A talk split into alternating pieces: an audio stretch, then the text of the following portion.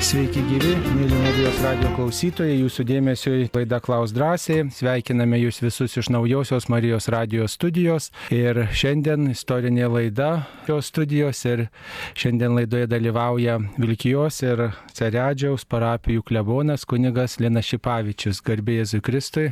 Taigi prie mikrofono taip pat esu ir aš kunigas Saulis Bužauskas.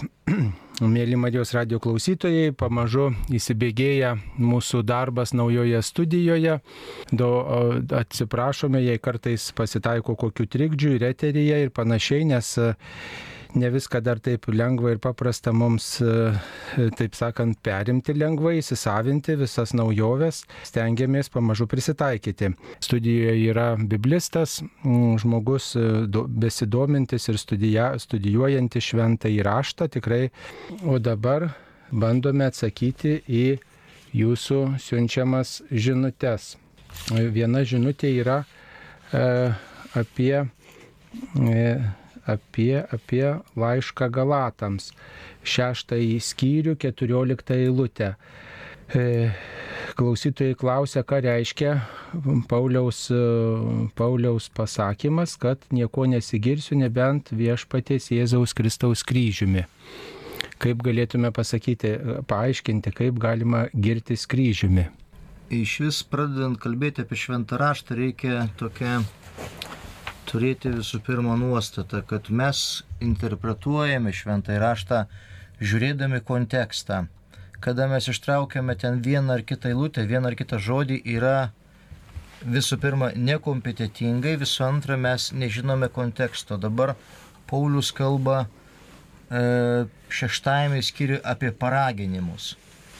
Ir e, kontekstas yra toksai, kad e, galbūt tenai gyvenantis bendruomenės nariai, krikščionys arba galbūt konfrontacija ir su pagonėmis, ir su, ir su žydais, kurie kažkuo tai būtent giriasi ir, ir ar save laiko galbūt kažkokiais svarbesniais, reikšmingesniais Ir aišku, Paulius taip pat e, atvyksta į tą bendruomenę, su ja gyvena, mato jų visus e, ir silpnumus, ir, ir, ir sakykime, jau tą dvasinę gyvenimo pakilimą. Ir e, tarkime, jisai kalba apie tai, kad galbūt jisai ir yra už tuos visus savo bendruomenės narius svarbesnis, ar ten aukštesnis, ar daugiau žinantis, nes nes jisai čia taip kalba taip pat paskui laiškė ir korintiečiams antrajame, kad jisai buvo paimtas iki, iki trečio dangaus tas, tas dvasinis išgyvenimas. Bet jisai kitos vietoje sako, aš viską laikau niekais. Ir čia va jisai iškelia būtent to 14 eilutėje tik tai viešpaties kryžių, bet aš nieko nesigirsiu, nebent mūsų viešpaties Jėzaus Kristaus kryžiumi, dėl kurio pasaulis man yra nukryžiuotas, o aš ir aš pasaulį. Tai reiškia, kad e, Pauliaus gyvenimas, Pauliaus gyvenimo tas žvilgsnis ir gyvenimo tikslas tai yra būtent, e, na, kryžiaus meditacija, kančios meditacija kryžiaus, bet taip pat ir atpirkimo, nes kryžius ne tik tai yra kaip tas e, kančios simbolis, bet jisai taip pat ir yra atpirkimo simbolis. Tai reiškia, kitais žodžiais, jo kalba yra ta, kad e, tie pasaulio dvasia, pasaulio kažkoksai tai didžiavimasis, pasigirimasis yra iš tikrųjų nulinis variantas.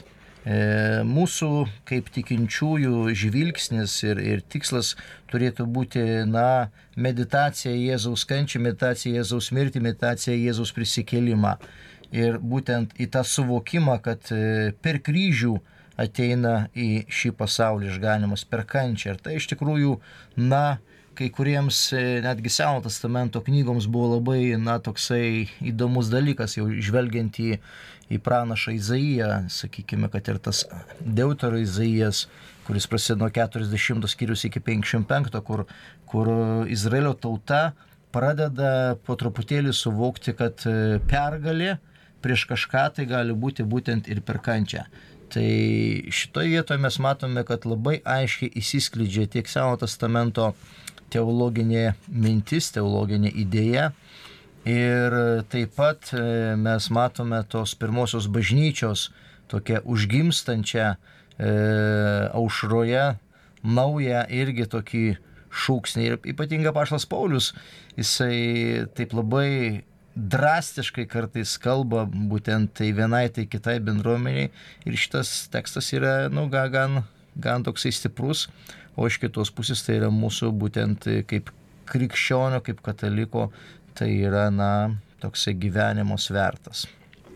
Taip, dar vienas klausimas truputį iš kitos ryties apie marietoną. Kodėl e, gegužės mėnesį nevyko marietonas. Tai e, taip tikrai labai gera pastaba ir priminimas, e, kasmet e, gegužės mėnesį visos pasaulio Marijos radio stotis rengia marietoną, nes gegužės mėno yra skirtas švenčiausiai mergeliai Marijai prisiminti ir taip pat e, prisiminti ir tas iniciatyvas, kurias, kurios yra Marijos globai pavestos ir tradiciškai visos, beveik visos pasaulinės Marijos radio stotis rengia marietoną, tą progą kalbėti apie Marijos radiją, dėkoti Dievui už šitą įrankį ir taip pat e, yra proga prisidėti, kad Marijos radijas gyvuotų.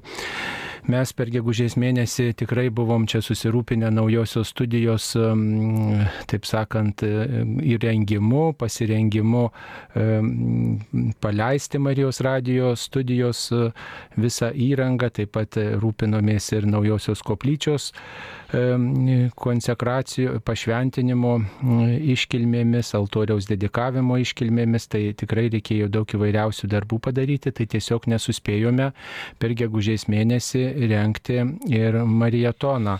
Tai dabar geras priminimas, marietonas kaip tik vyks birželio mėnesį 10-12 dienomis ir tikrai bus galimybė kalbėti apie Marijos radio misija ir taip pat, kas galėsite, tikrai lauksime, kad prisidėtumėt, jog Marijos radijas gyvuotų. Tikrai dar truputėlį yra šitokių užbaigimo darbų naujosios studijos ir taip pat reikalingos lėšos Marijos radio išlaikymui. Taigi ačiū, kad jūs prisimenate, jog tokios iniciatyvos vykdavo ir tikrai jos vyks ir toliau. Tai birželio 10-12 dienomis vyks ir Lietuvoje. Lietuvos Marijos radijoje ir taip pat kai kuriuose bažnyčiose bus renkamos aukos Marijotono proga.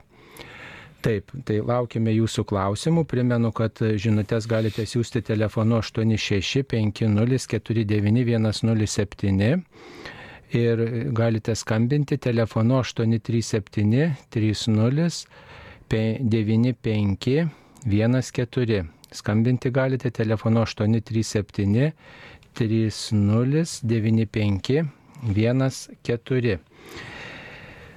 Dar vienas klausimas e, apie šventą įraštą. Kodėl Velykų laikų e, skaitoma ištru, skaitomos ištraukos būtent iš apaštalų darbų? Čia iš tikrųjų iš praktinio e, bažnyčios gyvenimo, nes apaštalų darbai pradeda pasakoti bažnyčios istorija, tai yra pirmoji istorija, kuri yra prašyta apie pirmąją bažnyčią, apie, apie jos susikūrimą ir iš tikrųjų jau e, praktiškai nuo antrosios Velykų dienos yra kalbama apie tai. Kas dar įdomiausia, kad, sakykime, pirmas skaitinys apaštalų darbų, jisai užbėga už akių e, ir jau kalba apie tos įvykius, E, kurie jau yra įvykę po šventosios dvasios atsintimo. Vadinasi, bažnyčia nestovi vietoje, bet visada e, tikinčiojo žvilgsnį kreipia, na, truputėlį į priekį. Ir jau kalba, kad dabar jūsų laukia sekantis tas tikėjimo etapas, tai yra šventosios dvasios atsiuntimas. Ir dėl to, na, nuo antros Velykų dienos mes praktiškai visą Velykų laiką skaitome apaštalų darbus ir sustinkame, e, na, tuos karštus įvykius, kuomet e, pradėjo aukti bažnyčia, kuomet prisidėjo nauji tikintieji. Na ir aišku, mes matėme arba matome, skaitydami pašlų darbus, su tam tikromis problemomis, kuriamis susidūrė na, apaštalai, paskui mokiniai, ypatingai paskui apaštalas Paulius perima tokią iniciatyvą kelionių ir sutinkame taip pat 15 skyriuje paštalų darbų būtent tą pirmą Jeruzalės susirinkimą, kur jau, jau po truputėlį pradeda na, kristalizuotis, sakykime, tas apaštalų mokslas, nes tarytum jaučiamas po truputėlį jau atsiskirimas nuo judaizmo. Ir matome taip pat, kad Antijochija tampa tokia, na, stipriu tikėjimo centru. Pašlas Paulius ten dažnai būna e, su Barnabu, kuris e, paskui vyksta tai vieną misiją, tai kitai, tai trečią. Ir apaštalų darbuose yra prašytos visos trys Pauliaus misijos e, kur vyksta ir naujai įkūrė bendruomenės arba bažnyčias. Dar viena žinutė, kaip suprasti Jėzaus atsakymą Petrui, kai jis paklausė apie apaštalą Joną, kurį Jėzus mylėjo. Jėzus atsakė, o kas tau, jei aš noriu, kad jis gyventų, kol aš ateisiu. Juk Jonas taip pat mirė, nors ir sulaukęs garbingo amžiaus, o, antro, o antrojo Jėzaus ateimo nebuvo iki šioliai. Na čia, čia yra, matot, reikia dar vieną dalyką pastebėti, kad na, tekstas, kurį mes skaitome, kurį mes analizuojame, jisai yra senas, jisai yra 2000 metų. Visų pirma. Visų antra, tai yra, na, semitinės kultūros e, palikimas, nes Jėzus e, kalbėjo aramėjų kalba ir apaštalai kalbėjo aramėjų kalba, na ir paskui bandė E, amžininkai arba, sakykime, kiti mokiniai, kiti liudininkai, na, užrašyti tuos žodžius. Ir čia jaučiamas būtent tas arameizmas, nes kai kurie Jėzaus posakiai, na, išlikę tokie, galima sakyti, na, autentiški, tokie arhaiški. Ir evangelistai, kurie paskui jau komponavo evangelijas, tai jie paprasčiausia, na, paliko tuos pasakytus žodžius ir čia jaučiamas tas toksai, tas pats kaip e, mes galėtume paklausti Jono Evangelijoje antrajame skyriuje, e, scenoje vestuvės kanoje, e, kaip Jėzus sako, kas tau ir man moteryje. Ir kai kurie irgi sakytų, kad štai dabar kaip Jėzus kalba su savo mama ar ne. Tai yra to laikmečio, na, toks kalbėjimo būdas, kalbėjimo žanras.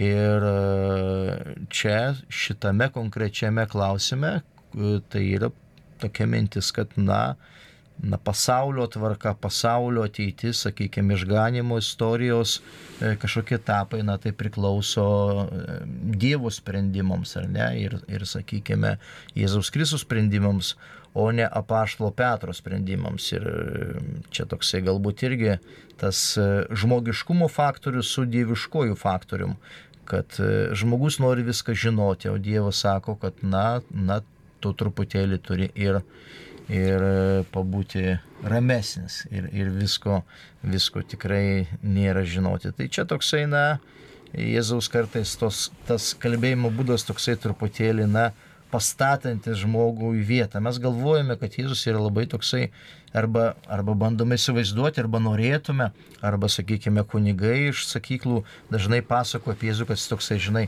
saldus, žinai, sal, saldus saldainiukas, bet Jėzus nėra saldus saldainiukas, bet jisai kartais ir pasako griežtesnį žodį, bet mes norime, kad jisai būtų toksai labai geras, nes dažnai diskusija yra, žinai, o Jėzus buvo visiems geras, žinai, Jėzus nebuvo visiems geras, va, Petrą du kartus smarkiai subarė, ypatingai prie Pilypo Cezarėjos, ar ne, kada Petras išpažįsta, kad Jėzus yra Mesijas Dievo sūnus.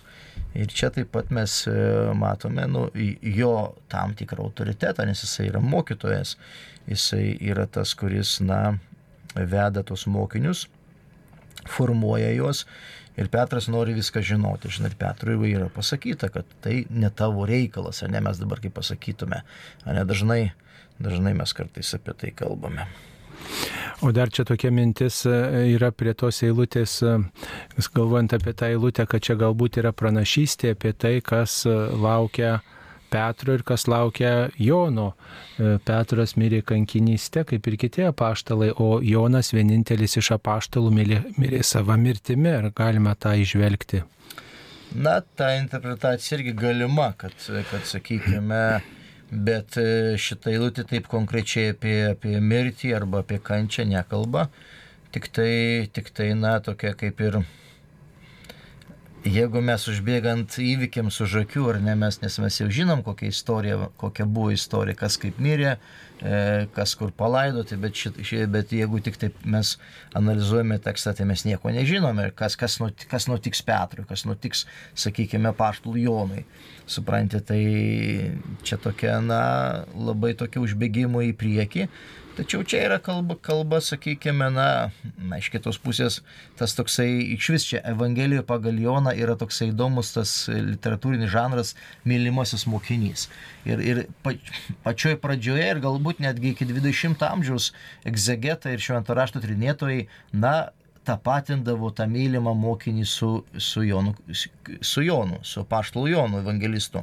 Bet šiuo metu kalbama, kad tas mylimasis mokinys tai yra būtent, e, gali būti kiekvienas krikščionis, e, katalikas, tai yra sektinas pavyzdys e, mokinio. Ir, ir čia kalbama būtent apie tą, na, tokį galbūt yra amžino gyvenimo perspektyvą labiau tokio, sakykime, na, pomirtinio gyvenimo perspektyvą, dangaus karalystės perspektyvą. O šitoje čia vietoje, o, o sakykime, dabar, kad ten Petras Petras, e, sakykime, priėmė kaip kankinystę, na tai buvo e, tam tikras istorinis kontekstas, kad ten visi paštalai, kuris kelbė Kristaus mokslą ypatingai, na, kuri kada buvo sustiprinti po šventosios dvasios atsiuntimo, tai jie visi buvo nužudyti e, būtent už tikėjimą. Taip, ačiū. Dar viena žinutė. Dažnai melžiuosi važiuodama visuomeniniu transportu, bet džiagnotis nedrįstu, kaip jūs pakomentuotumėt. Mm, tikriausiai, na tai nedrįsta, tai nedrįstat, svarbu, kad jūs melžiatės, žinot, aišku, kad tikėjimui reikia drąsos. Kodėl nedrįstat savęs paklauskit, jeigu galvojat, ką apie jūs pamanys, jeigu jūsų gyvenimas, jūsų pasirinkimai priklauso nuo, nuo kitų nuomonės, tai vat verta truputį susimastyti. Galima tiesiog palaipsniui tą kryžiaus ženklą padaryti, pavyzdžiui, kaip Evangelijos klausomės, tokius tris mažus kryželius padarome. Tai šitas kryželis berots yra senesnis už tą didįjį kryžių, kurį mes darome ant, tiesiog nuo, nuo kaktos, ant krūtinės, žodžiu, tokie, tokiais plačiais mostais. Tai e, už tą didįjį kryžiaus ženklą ženklas, šitas mažesnis e, kryžiaus ženklas, kurį mes darome klausydamiesi Evangelijos. Tai galite šitaip pradėti, o paskui įsidrasinsit, gal ir persižegnosit kaip įprastai. Taigi, dar e, viena žinutė. E, va, apie Vilkijos ir Seredžiaus kraštą. Tarp Vilkijos ir Seredžiaus iš plento pasukę Čekiškiais link už 5 km privažiuojame Palosdonio Lasduono šaltinėlį. Prie jo esančiose informacijos stenduose rašome, kad tai šventas šaltinėlis. Ką apie tai pakomentuotų naujoje studijoje dabar esantis kunigas, kokiai parapijai priklauso Palasdonys, Purviškiai ir aplinkinės vietovės. Tai priklauso Sirerijos parapijai.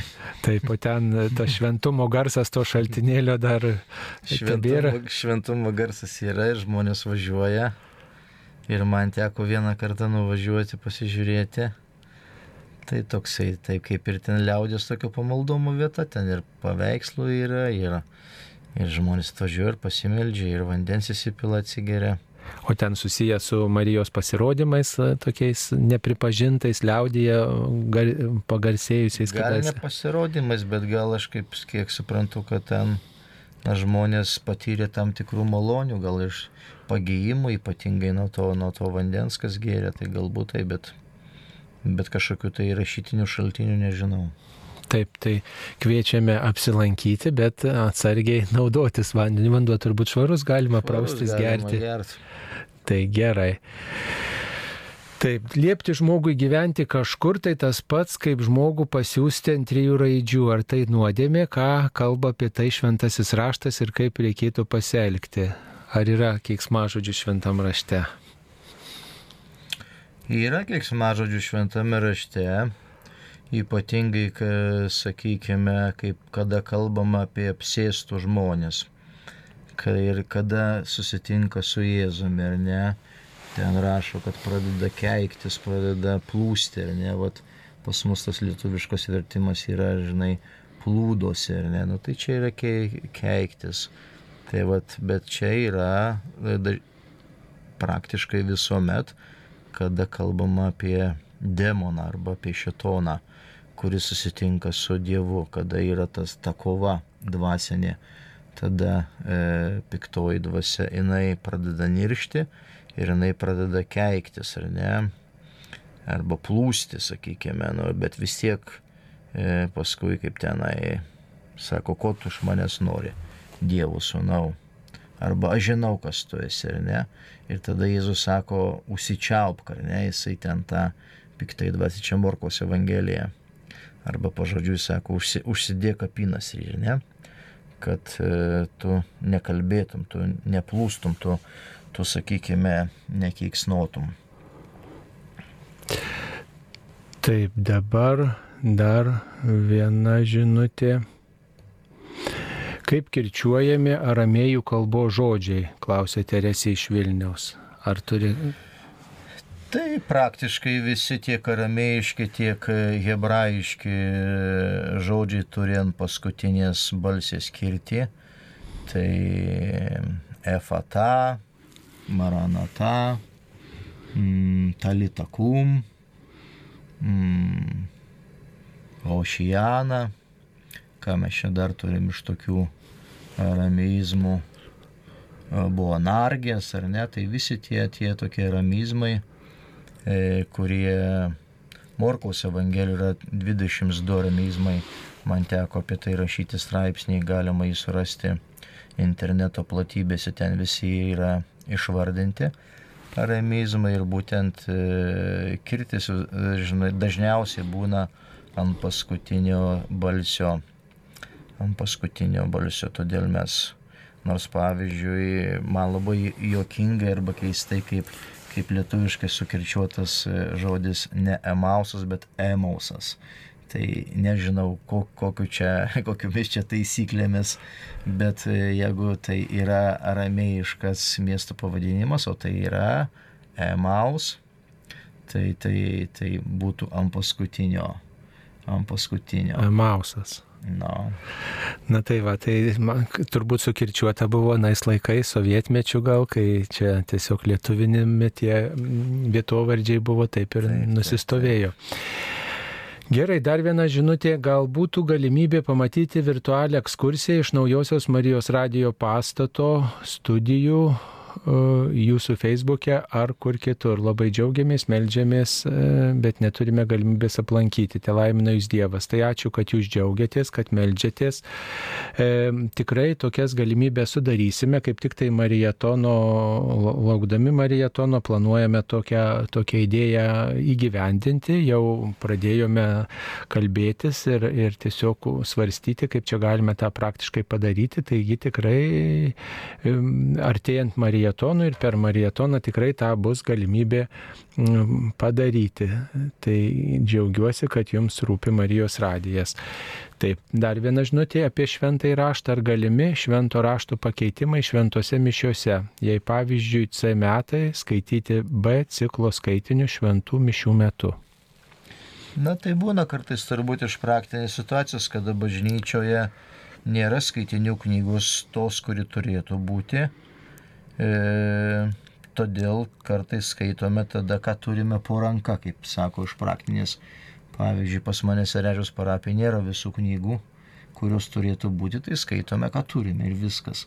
O nusipirkti nėra, nes e, baigėsi tiražas, dabar čia liktai dirba prie naujo to leidimo, tiek skaitinių, tiek ir mišiolo, bet laukiam, nesulaukiam ir, ir, ir, tokia, ir tokia situacija, o tos knygos tai žino, tai, tai jos pasimeta, tai kažkas tai pasiima, tai kažkas tai pagalvoja, kad, sakykime, tai čia jo nusavybė ir kada kuniga perkelia į parapiją, į kitą, tai jisai visas knygas pasiima.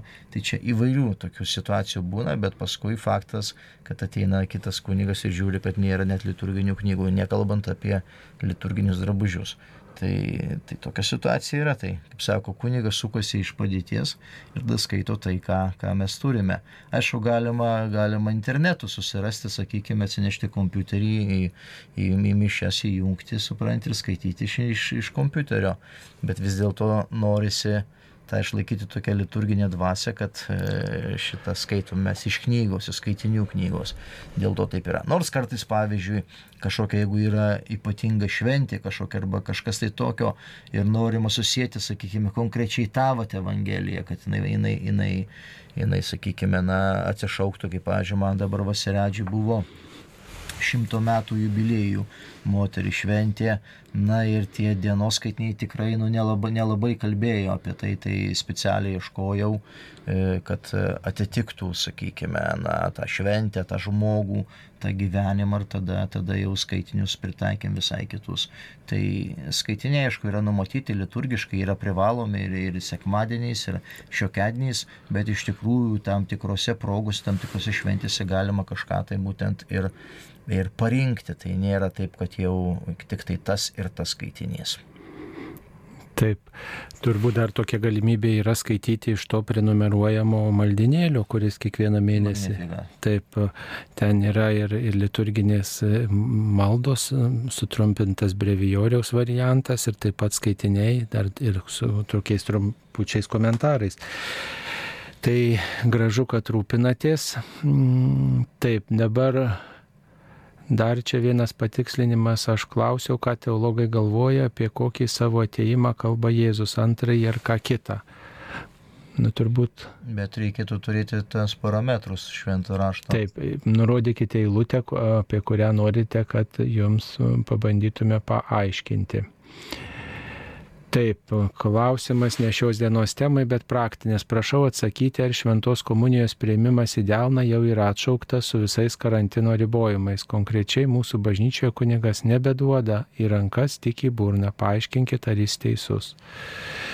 E, na tai e, nėra atšauktas turbūt, yra tokia ir galimybė ir tokia palikta, galima dalinti e, komuniją į delną ištiestą pagarbiai ir taip pat galima dalinti į burną tikinčiajam. Tai čia ir tokia ir tokia galimybė yra.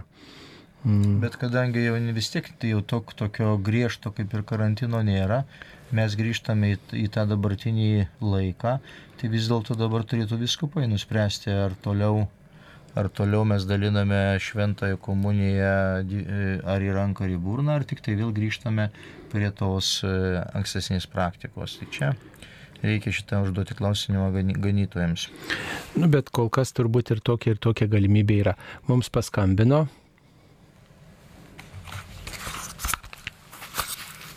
Mums skambina Liucija iš Vilniaus. Taip, Liucija, garbėzui Kristui.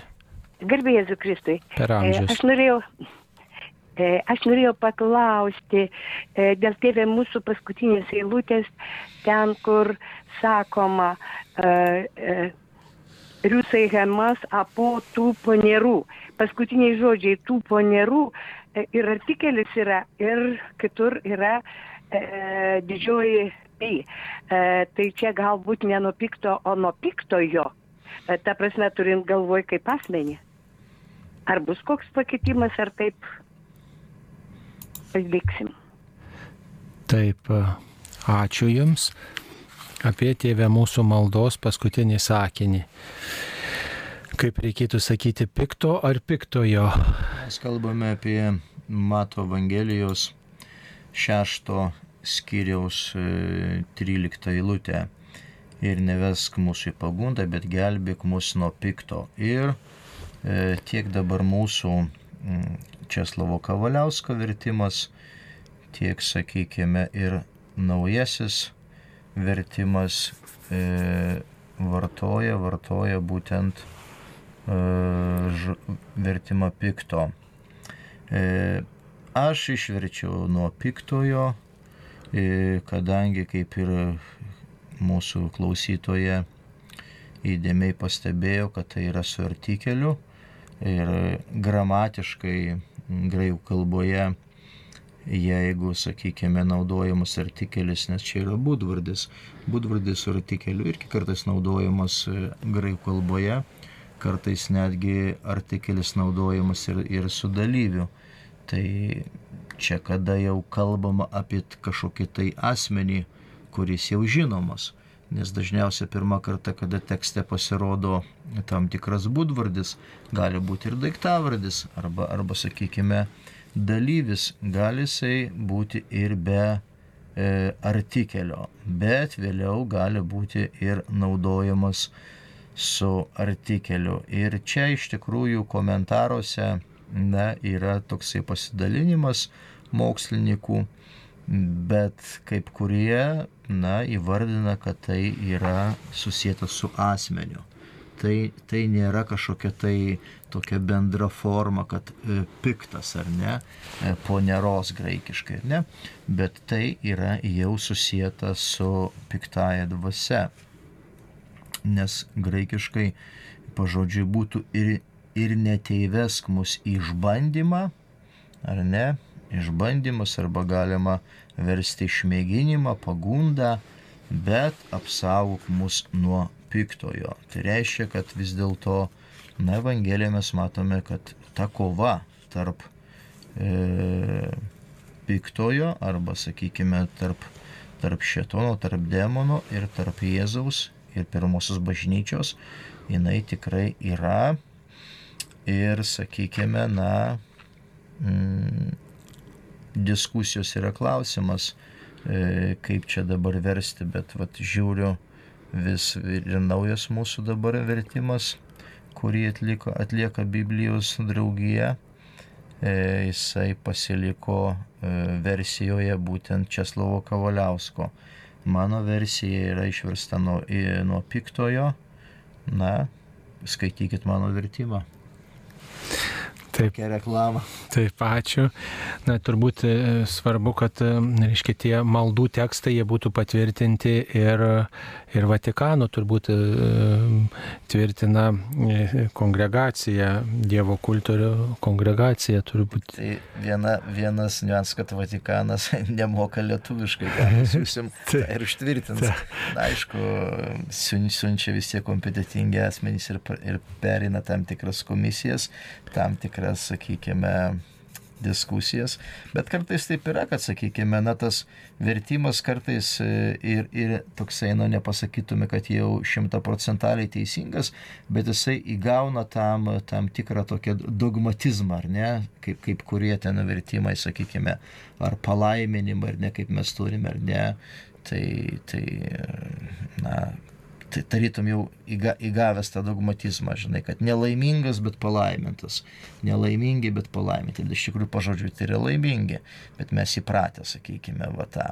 Ir čia popiežius iš tikrųjų Pranciškus truputėlį sujaukė mums galvas, kada jisai, na, truputėlį pradėjo interpretuoti tą tėvę mūsų maldą, aiškinti ir jisai čia įnešė šiokių tokių samišių ir dėl to dabar tikintieji žmonės pradėjo uždavinėti klausimą, tai kaip čia yra, čia 2000 metų mes melžiamės tą maldą ir pasirodo, kad na ta malda iki galo na, dar nėra išanalizuota ir dar nėra kažkaip tai, nes ten pavyzdžiui apie tą vat, kasdienės duonos irgi ten tas žodis, kuris naudojamas tik tai vieną kartą epiuzijos Naujame testamente ir jisai taip pat, jisai ten gali kokios neturi aiškiai apibrieštos reikšmės, kasdieninis įprastas, pastovus, dabartinis, nūdienis, būtinas, neišvengiamas. Irgi mes, sakykime, vat, tą kasdieninę duoną irgi mes taip e, verčiame, na, iš tokios tradicijos, bet mes nežinome,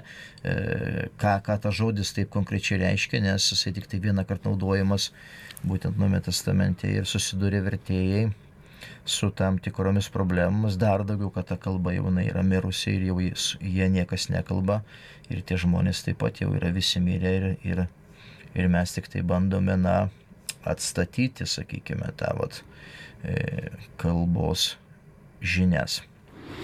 Bet tai tas visada vertimas turbūt remiasi ir ankstesnių kartų patirtimi, tuo taip, tikėjimo kraičio, ne tik tai ta tokia pirmi. Taip, taip, taip, ir ankstesnių, bet kartais tie ankstesnės irgi, žinot, e, ankstesni vertėjai dar turėjo mažiau informacijos ir dar mažiau turėjo medžiagos, jeigu ten mes žiūrėkime Česlovo Kavaliausko vertimas, kaip pasakoja ten e, tie e, liudininkai, tėvas Vaclavas Aliulis, man su juo teko daug, daug bendrauti, nes, nes kartu buvome vienoje komandoje, tai sako, nu tai Kavaliauskas, kai verti vertimą, net neturėjo sinopsijos e, graikiškus, ar nes jisai po ranką turėjo ten vokiečių, e, graikų vokiečių žodyną ir, ir Naująjį testamentą šito Merko turbūt.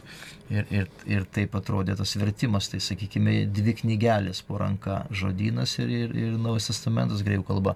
Mes dabar turime, sakykime, biblinės programas, ten, ten 16 e, graikiškų žodynų atsiverti, ten iš karto išmeta viską, paieškos, e, sinopsis, viskas. Tai šiuo metu antiek e, tie instrumentai yra pažengę, kad ten ten be pigų versti ir, ir be pigų pažiūrėti, kaip ten vokiškai išversta, kaip ten angliškai, kaip ten prancūziškai, viską mes turime kompiuterį, viską mes turime internete.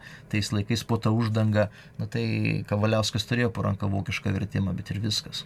Taip, bet už tai jis ir laikomas genialiu, kaip tas pats Aliulis apibūdino.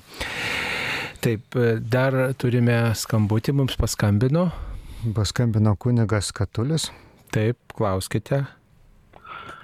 Aš prisimenu, kai kunigai susirinkdavom ir dar buvo tėvelis paberžės Lebravolskis ir jis su manim taip kalbėdavo, taip sakė, sako, Kristus į tėvę mūsų maldą įvedė velnę, o mes verčiame jį kaip į būdvardžius. O rusai sako teisingai, atlukavo. Bet ir mūsų kilai šventam rašte ten, kur Kristus meldėsi, kad apsa neprašau juos paimti iš pasaulio, bet apsaugoti juos nuo piktojo, jau yra pavartotas daiktavardis. Bet man tai labai graži. Tėvelis Dabravosu, kad įvedė Kristus velnę, sakė, tėvė mūsų malda ir rusai sako, atlukavo, tai nuo piktojo. Taip, ačiū. Tai čia būdvaris ir yra, ką mes ir kalbėjome. Taip, dar viena žinutė yra apie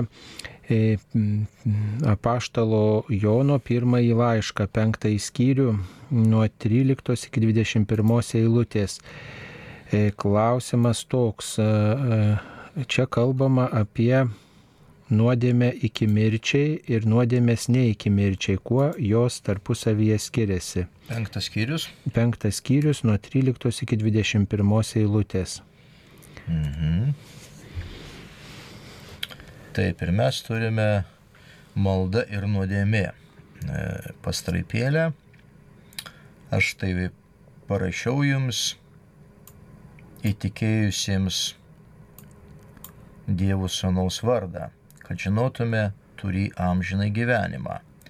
Mes tvirtai pasitikime juo, nes ko tik prašome pagal jo valią, jis mūsų išklauso. O jeigu žinome, kad jis mūsų išklauso, ko tik prašome, tai ir žinome turį, ko esame prašę. Jei kas mato nusidedant savo brolį, tačiau ne iki mirčiai, te prašo ir Dievas duos jam gyvybę būtent tiems, kurie nusideda ne iki mirčiai. Mat yra nuodėmė iki mirčiai ir aš kalbu apie ją, kad būtų prašoma kiekviena neteisybė yra nuodėmė, tačiau esame nuodėmės ne iki mirčiai. Mes žinome, jog kiekvienas gimusis iš Dievo nedaro nuodėmių, bet Dievo pagimdytasis saugo jį ir piktasis jo nepaliečia. Mes žinome, jog esame iš Dievo, o visas pasaulis yra piktojo pavergtas. Dar mes žinome, kad Dievo sūnus yra atėjęs ir suteikęs mums nuovokos, kad pažintume tikrai. Ir mes esame tikrajame jo sūnų Jėzui Kristui. Šitas yra tikrasis Dievas ir gyvenimas. Vaikelis serkitės stabų. Tai štai e, pirmojo laiško autoris įveda tokią savoką iki, iki mirčiai arba iki mirties, arba galima sakyti, kad e, na, ta nuodėmė, kuri veda į mirtį.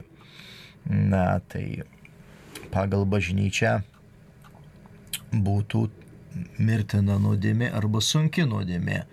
Tai galima sakyti, na, tos nuodėmės, kurios yra išvardytos dekalogė. Bet čia galbūt e, apaštlas e, Jonas turi mintyje ir, e, sakykime, na, čia gale mes matėme tą stabmeldystę ypatingai, e, kuri taip pat veda žmogų į mirtį. Ir kit, kitas labai svarbus dalykas, kad, na, tikėjimas į Jėzų Kristų.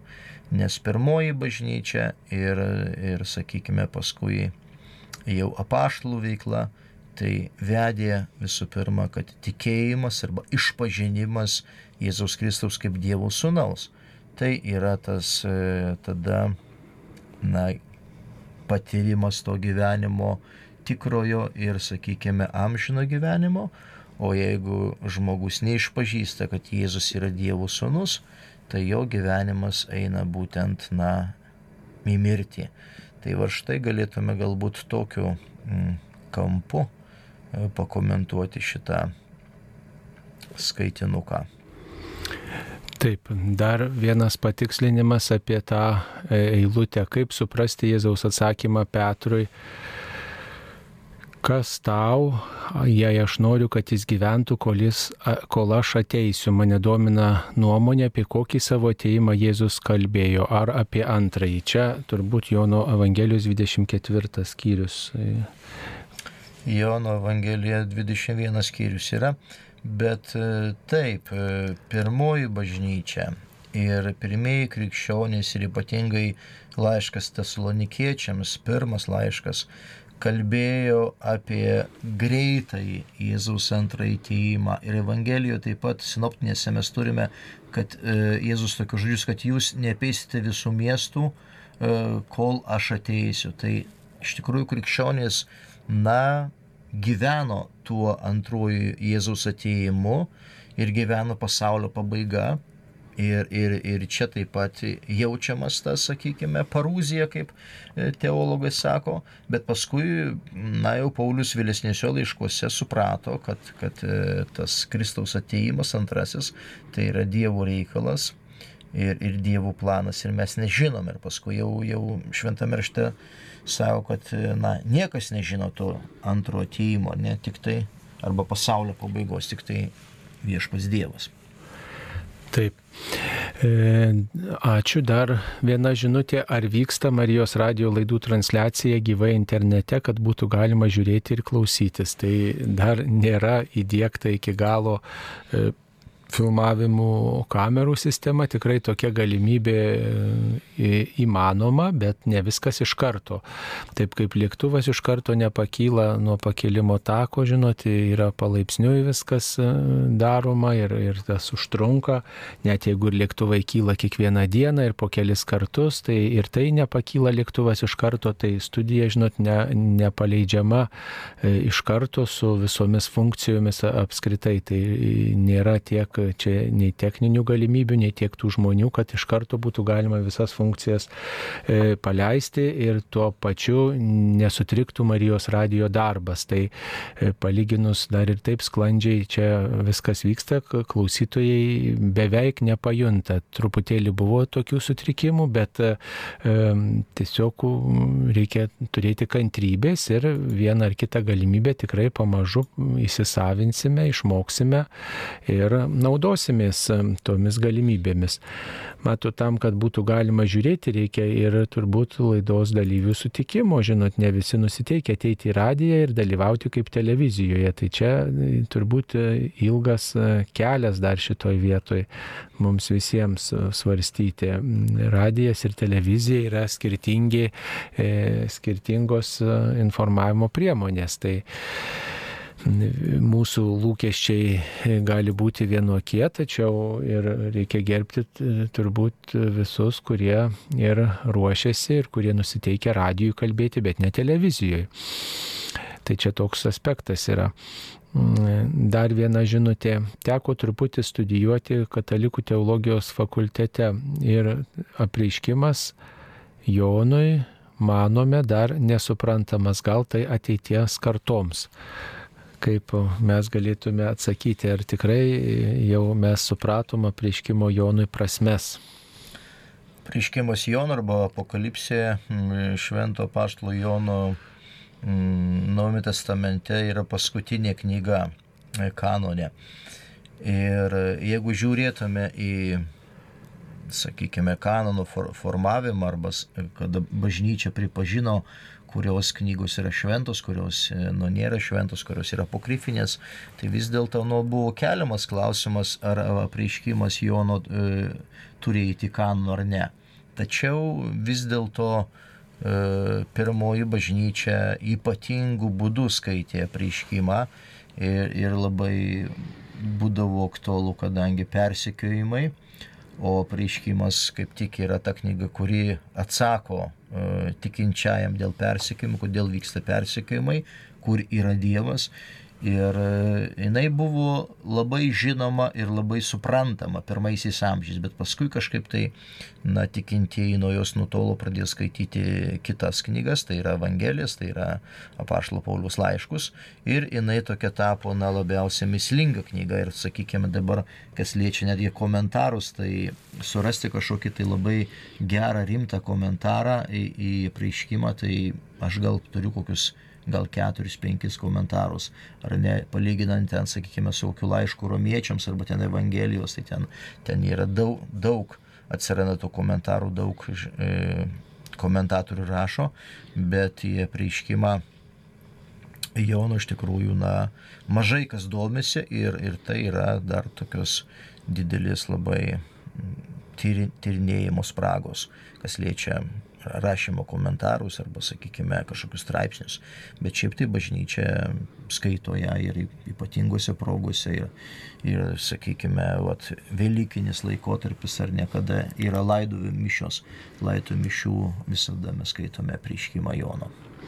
Turbūt svarbiausia ta e, pagrindinė tokia taisyklė klausantis arba skaitant apriškimą Jonui, turbūt viena pagrindinių švento rašto knygų tokių, kurių nereikia skaityti pažodžiui. Jeigu kitas, galima mes dar tą tokį pažodinį kontekstą prisirišti prie jo, labiau suprasti, tai apriškimo knygoje skaityti pažodžiui turbūt pats pavojingiausias dalykas, nes taip labai nutolsim nuo tų prasmių. Tai visi turbūt komentatoriai pabrėžia, kad vat, neskaityti pažodžiui Ten yra apokaliptinis žanras ir ten labai stipriai žaidžia būtent simbolika. Ir po to simbolika slypi tam tikros teologinės tiesos arba teologinės reikšmės. Taip. E, mums žinutę operatorius perskaitys. Ne, žinutę aš perskaitysiu. Ar tiesiogiai, kaip tiesiogiai būtų verčiama mūsų kaltininkams, turbūt tėvė mūsų maldoje? Mm, tai mes ten kalbėjome apie tai, bet pabandysim dar kartą grįžti į Mato Evangeliją. E, šeštas skyrius. E, pabandykim tada atsidaryti. Taip, šeštas skyrius. Kokia bus ten? Nu, dešimtą eilutį pabandom. Kas ten kalba? Taip, taip, taip, taip. Dvylikto eilutė. Ir atleis mums mūsų kaltes, kaip mes leidžiam savo kaltininkams. Na, pažodžiui, tai yra būtent e, atleis mums skolas, kaip ir mes atleidžiame savo skolininkams. Ir judaizme norint išreikšti nuodėmę buvo vartojamas terminas skola, kurį randame Naujame testamente. Tai ypatingai čia tame žydiškame pasaulyje būtent nuodėmė yra tapatinama su skola, Dėl to mato Evangelijoje šitas ir yra pažodinis būtent skola. Bet mes verčiame kaip, kaip kaltė. Čia dar irgi pažiūrėkime komentaras dabar naujo, naujo vertimo. E, vart, vartotas m, taip o feiliama skola, finansinis įsipareigojimas e, vartojamas ir moralinė prasme, kaip, kaip nuodėmė. Pirmiausia, kad Evangelija pagal matą buvo adresuota vis, visų pirma judėjams. Na, mes kaip ir kalbėjome čia. Bet kaltė toks turbūt platesnis e, žodis, platesnės prasmės žodis. Aš noriu perskaityti tą komentarą truputėlį. O, pažiūrėsim, kaip čia, kaip čia gausis mums. O, pabandykime. Mm, taip, ofteilė, ofteilėma. Skola finansinis įpareigojimas vartojimas ir moralinė e, nuodėmis prasižengimo prasme. Prisimenama, kad Mato Evangelija buvo adresuota visų pirma judėjams, kuriems nuodėmės kaip įsiskolinimo Dievui ir savo artimo idėja buvo gerai žinoma iš rabiniškos tradicijos. Lukas šioje vietoje renkasi žodį hamartyje nuodėmė, atleisk mums mūsų nuodėmės. Luko Evangelija 11 skyrius 4 eilutė. Tai štai matome, kad Evangelijose yra dvi tradicijos. Viena tradicija, kuri kalba apie skolas, kita tradicija yra apie nuodėmę. Taip, dar viena žinutė apie Vatikano lietuvių kalbą. Popiežius Jonas Paulius II 93 metais beveik savaitę viešėdamas Lietuvoje mišes aukojo lietuviškai. 2018 metais popiežius Pranciškus Nemono ir Neries santokoje lietuviškai pasakė keturis žodžius. Kaip vertinate tokius lietuviškumus? Na, reikia suprasti, kad tiek Jonas Paulius II, tiek popiežius Pranciškus, jie tolimi, nu, tolimi lietuvių kalbai, jie gyveno kitame krašte, nebuvo progos susitikti labai daug lietuvių ir kad Lietuva yra palyginus mažas kraštas, nėra didi tauta, kur, kur tikrai būtų daug gyventojų ir ta kalb, tos, tų gyventojų kalba dažnai išmėžuotų įvairiose aplinkose, tai tiek Jonui Pauliui II tikrai reikėjo mokytis lietuvių kalbos prieš vykstant į Lietuvą ir jį tikrai mokė, jisai kelis kartus skaitė tuos tekstus ir jisai mišęs aukojo skaitydamas, skaitęs, tekstus skaitė skaitydamas ir e, e, skaitė net ir kalbas, e, ne tik tai ištisai jisai pats skaitė, kiek atsimenu, bet skaitė e, kartu ir, ir, ir viskupai popiežiaus kalbą pasikeisdami, taip kad buvo tas aspektas, na tai tiesiog jau, kad perskaito popiežius atvykęs į mūsų kraštą, mūsų kalbą, tai yra labai daug, reikia suprasti, kad popiežius tos kalbos niekada daugiau gal nevartos. E, čia kelis kartus gyvenime susitinka e, su, su mūsų krašto žmonėm, bet susitinka su daugybė žmonių, tai jam mokėti įvairių kraštų kalbas, tai turbūt jau čia virš žmogaus galimybių yra. Čia labiau yra simbolinis toksai gestas tos, e, sakykime, į kurią šalį atvyksta popiežius, na, kalbėjimas tą kalbą, pasveikinimas, sakykime, kad, nu, va, aš esu su jumis ar ne, nes, e, kaip ir kunigas Saulis savo, kad, e, na, angliškai tenai, prancūziškai, itališkai, ispaniškai, kur, kur tikrai yra daug žmonių šneka, na, tai tas, tas kalbas ir mokomės, bet, sakykime, tokiam na, gyvenančiam ar ten Pietų Amerikoje, kaip dabartinis popiežius, ar ten ar ten gyvenančiam Lenkijoje, na, mokintis lietuvių kalbą, nebent kažkokie tai turi sąryšį su ta Lietuva, bet jeigu taip, tai nėra prasmės, nu, nebent e, studijuoji ten, sakykime, e, tam tikras kalbas, tai galbūt vat, irgi ta lietuvių kalba yra įdomi, bet šiaip tai žmonės mokinasi dažniausiai dėl poreikio mes kodėl mokinamės anglų kalbą, ar ten vokiečių, ar ten italų, prancūzų, kad, kad yra šalys, kurios yra didelės, kurios ten, sakykime, ar knygas leidžia, ar ten, ar ten galim susikalbėti kažkaip, tai dėl to mokinamės mes tas kalbas. O čia yra toksai, na, tokios draugiškumo, tokio labai, na, toksai ženklas, kad va, aš pas jūs atvykau ir aš jūs labai gerbiu ir, sakykime, aš net va, iš, išmokau tenai vieną frazę, kitą frazę ir net perskaityti jūsų kalbą. Taip, Dar viena žinutė, gyvenu Jonavoje, nauja ir sena studija, bet radio prieimimas vienodas, trukdžiai vienodi, paaiškinkit. E, na tai pirmiausiai e, radio pastatas e, visų trikdžių, trukdžių jisai neišsprendžia, nes tai priklauso nuo siūstuvų ir tas dažnių stiprinimas yra kitas žingsnis. Dažniai stiprinami, stipresni dažniai tam, kad jie būtų patiekiami, tai reikalinga, reikalingos investicijos, reikia tiesiog daugiau mokėti už stipresnius dažnius. E, didesnė kaina yra tada išauktų Marijos radio kaštai. Pirmiausia, reikia užtikrinti, kad esamomis sąlygomis tie, kiek girdi žmonės, galėtų girdėti, o tada žiūrėti, ką galima gerinti, nes e, naujasis radio pastatas statytas todėl, kad ta senoji e, įranga jinai yra tiesiog tokia vos gyva gyva, daugybę kartų remontuota, taisyta ir, ir tiesiog laiko klausimas, kiek jinai dar tarnau, galėtų tarnauti. Tai tiesiog reikėjo galvoti, kur tą naują įrangą padėti ir tas pats pastatas yra avarinės būklės, jį tikrai reikia labai rimtai remontuoti. Tai tiesiog dėl to ir buvo pradėta statyti ir pastatas, ir, ir studijos, kad na, technika galėtų kuo geriau pirmiausiai tarnauti, kad tas signalas iš studijos pirmiausiai būtų kuo geresnis ir kuo sąlygos būtų geresnės jį pasiūsti. O, o tada O tada reikia žiūrėti, kaip perduoti kitas etapas. Ar ne, juk ir radijas prasidėjo, pirmiausiai buvo girdimas e, vienoje zonoje, paskui plėtėsi, dažniai kitur, kitur ir, vat, ir dabar ateityje tikriausiai bus rūpinamasi, kad ir e, na, girdėtų geriau visi Lietuvos gyventojai. Tai e, tikrai vienu, vienu radio pastatu ir naujos technikos įdėgymu tikrai visų problemų neišspręsime. Tikrai mes čia palaipsniui viską, taip sakant, tą stengiamės išspręsti. Taip, dar viena žinutė, ar nuodėmė skaityti karalienės Mikaldos pranašiščių knygutę. Tai turbūt nepatartume tokių mm, pranašiščių skaityti, nes jos nieko bendro neturi nei su šventuoju raštu, nei su katalikų bažnyčios mokymu. Tai kažkas panašaus yra į horoskopus, į pranašystės, į, į kažkokios e, magijos e, puoselėtojos atsiminimus, įžvalgas ir tikrai e, užteršia mūsų, mūsų mąstymą.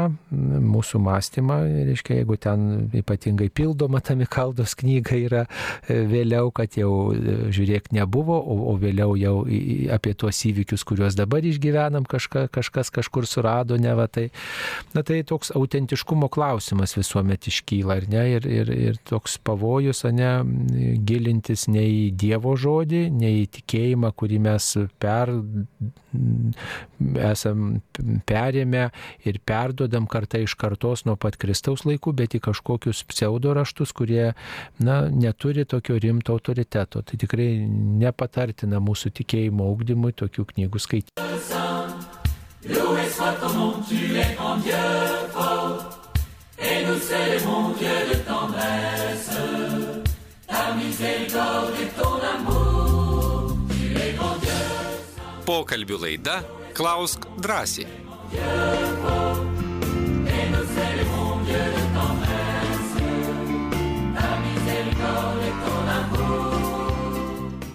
Mėly Marijos radio klausytojai, tęsėme laidą Klaus drąsiai. E, šiandien laidoje dalyvauja Vilkijos ir Seredžiaus parapijų klebonas kunigas Lina Šipavičius. Ir taip pat prie mikrofono esu aš kunigas Saulis Bužauskas. Parapiečiams tai turbūt aš atsibodu su šventu raštu. Kaip galima atsibosti parapiečiams su šventu raštu? Ką jūs kunigė? Yes. Tokia įdomi labai e, digresija. Viena moteris pas mane atėjo Ir sako, žinot, sako, sako, jūsų, sako, tie pamokslai, sako, tik tai, sako, va čia, sako, tokiai vienai parapiečiai, sako, suprantam ir dar vienai šeimai. Tai sakau, turbūt jie tik tai ir meldėsi, kad toksai klebonas ateitų, žinai, ir dėl to, dėl to dabar turi. Taip, tai, na, nu, aišku, vieni žmonės turbūt labai vairūs, vieni žmonės nori labai gilių įžvalgų, kiti nori labai paprastų, su pavyzdėliais, su paprastu paaiškinimu, trumpo pamokslo, trumpų Taip. įžvalgų ir kad kuo greičiau čia kunigas negaišintų, truputį atliktų. Sekmadienį laukia. Taip, svečiai ir, ir visokie rūpeščiai, tai čia labai įvairūs tie poreikiai, bet turbūt kunigo užduotis ir yra taip skelbti žodį, kad suprastų ir piemuo ir profesorius, kaip sakydavo Na, taip. mūsų autoritetai. Gerai. Tai dar vienas čia klausytojas atsiuntė žinutę tokį pa, pa, pasvarstymą apie Marijos radio transliacijos kokybę. Pastačiau ant stogo FM anteną E, veikia puikiai, prieš tai buvo nekas. Nu, va, tai kviečiame pasistatyti anteną ir taip savo namuose tikrai pagerinsite mm, girdimumą. E, tikrai džiaugiamės, kad jūs reaguojate ir, ir svarstote, kaip galime mm, girdėti geriau ir čia siūlo ir garsą pastiprinti. E, ir kitokius visokius pasiūlymus teikiate, tikrai neįsižeidžiame, kaip čia vat, jūs nuogastaujate, tikrai ačiū, kad jūs, jums rūpi, jog Marijos radijas girdėtųsi, tikrai viskas yra gerai, šaunuoliai, kad jums rūpi ir norite ne tik patys girdėti, bet ir kiti žmonės, kad girdėtų. Kaip suprasti, Maltoje popiežius atsisako pagrindinio krikščionybės simbolio kryžiaus. Tai tikrai jau esame komentavę ankstesnėse laidose šitą situaciją, kad popiežius susitiko su su, ne tik tai su katalikais, bet susitiko ir su islamo išpažinėjais, su migrantais, kurių tame krašte ten yra daug atvykusių.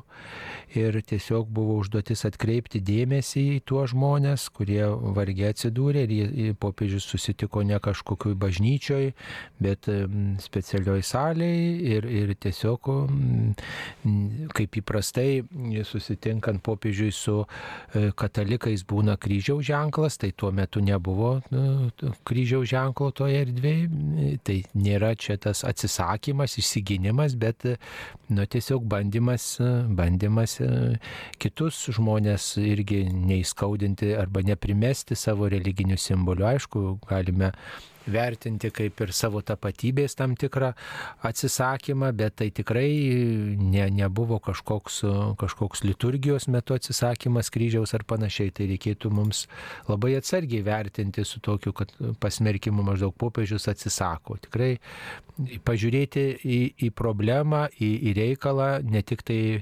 vienpusiškai, bet iš įvairių tokių iš įvairių sričių, iš įvairių uh, uh, vertinimų, tokių perspektyvų. Tuomet truputį kitaip atrodo, ne kad nėra taip juoda arba balta. Gali sakyti, kodėl popiežius atsisakė, galėjo jiems kryžių ir stoti prieš musulmonus, bet tuomet kažkoks konfliktas jau yra užprogramuotas. Popiežiaus užduotis buvo sumanimas atkreipti dėmesį į migrantų situaciją ir, ir jis nenorėjo kažkokių kitų dar konfliktų išaukti. Tai tai pasirinko jisai, o ar mums patinka, pritarėm, nepritarėm, jau čia kitas kitas klausimas. Taip.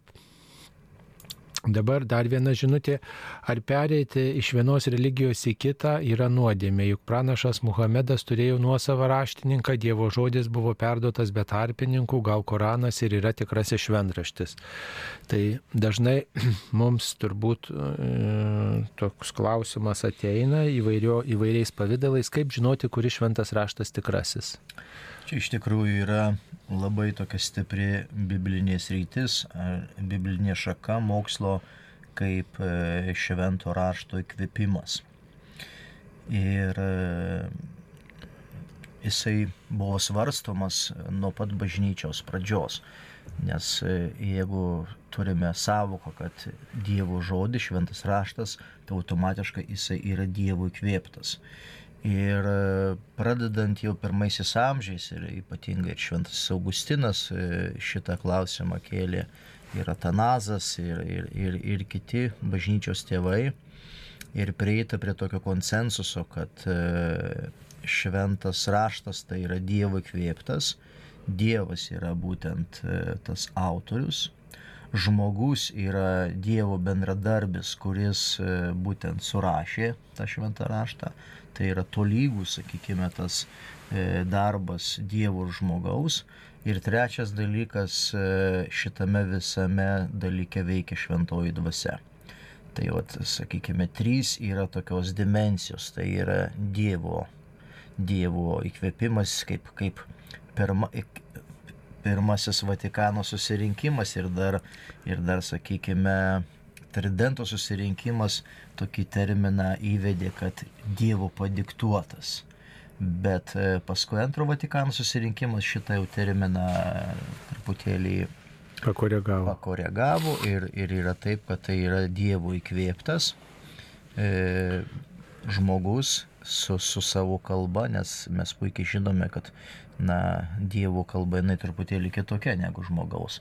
Taigi visų, visų pirma, Dievas įžengia žmogaus istoriją ir, ir tas yra laikotarpis konkretus, kuriame buvo surašomas tekstas, sakykime, tie autoriai, kurie surašinėjo, turėjo tam tikrą patirtį, kalba, sakykime, viskas tą suprantat, bet, bet visame kame reikia vis laik nepamiršti, kad tai veikia šventoji dvasia šventosios dvasios įtakoje įvyko tas įkvėpimas. Tai va štai yra tikrai labai platus, labai didelis ir, ir mane senai teko įplaikyti egzaminą, tai vienas buvo iš šitų klausimų apie švento rašto įkvėpimą. Tai už tai ir viską dar pakol kas atsimenu ir žinau. Tai, tai yra vienas svarbiausių klausimų. Buvo keliamų, nes įkvėp, įkvėp, be įkvėpimo, sakykime, tai nėra šventas raštas, ne?